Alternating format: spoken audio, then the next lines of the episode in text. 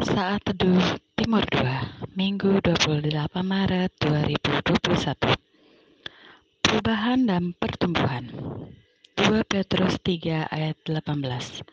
Tetapi bertumbuhlah dalam anugerah dan dalam pengenalan akan Tuhan dan Juru Selamat kita, Yesus Kristus.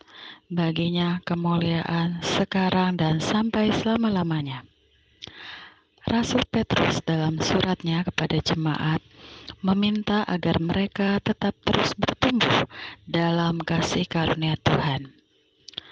Mari kita renungkan dalam hidup kita masing-masing, berapa lama kita sudah mengikut Tuhan dan menjadi anaknya? Adakah orang sekitar kita merasakan perubahan positif dari hidup kita? Apakah orang lain melihat kita bersikap lebih sabar, atau sebaliknya, kita terkadang gampang tersinggung dan sulit mengampuni? Seiring perjalanan kita mengikut Tuhan, ada kebiasaan-kebiasaan yang negatif yang harus terlebih dahulu disingkirkan.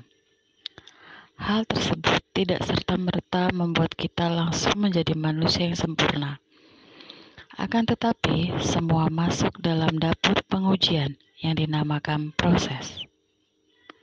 Tuhan mau lihat dan latih ketaatan kita terhadap firman-Nya. Tetapkan hati untuk tidak menjadi manusia yang sama dari tahun ke tahun, tetapi berubahlah, bertumbuhlah. Pertumbuhan adalah tanda kesehatan iman. Selamat hari Minggu dan selamat beribadah. Tuhan Yesus memberkati.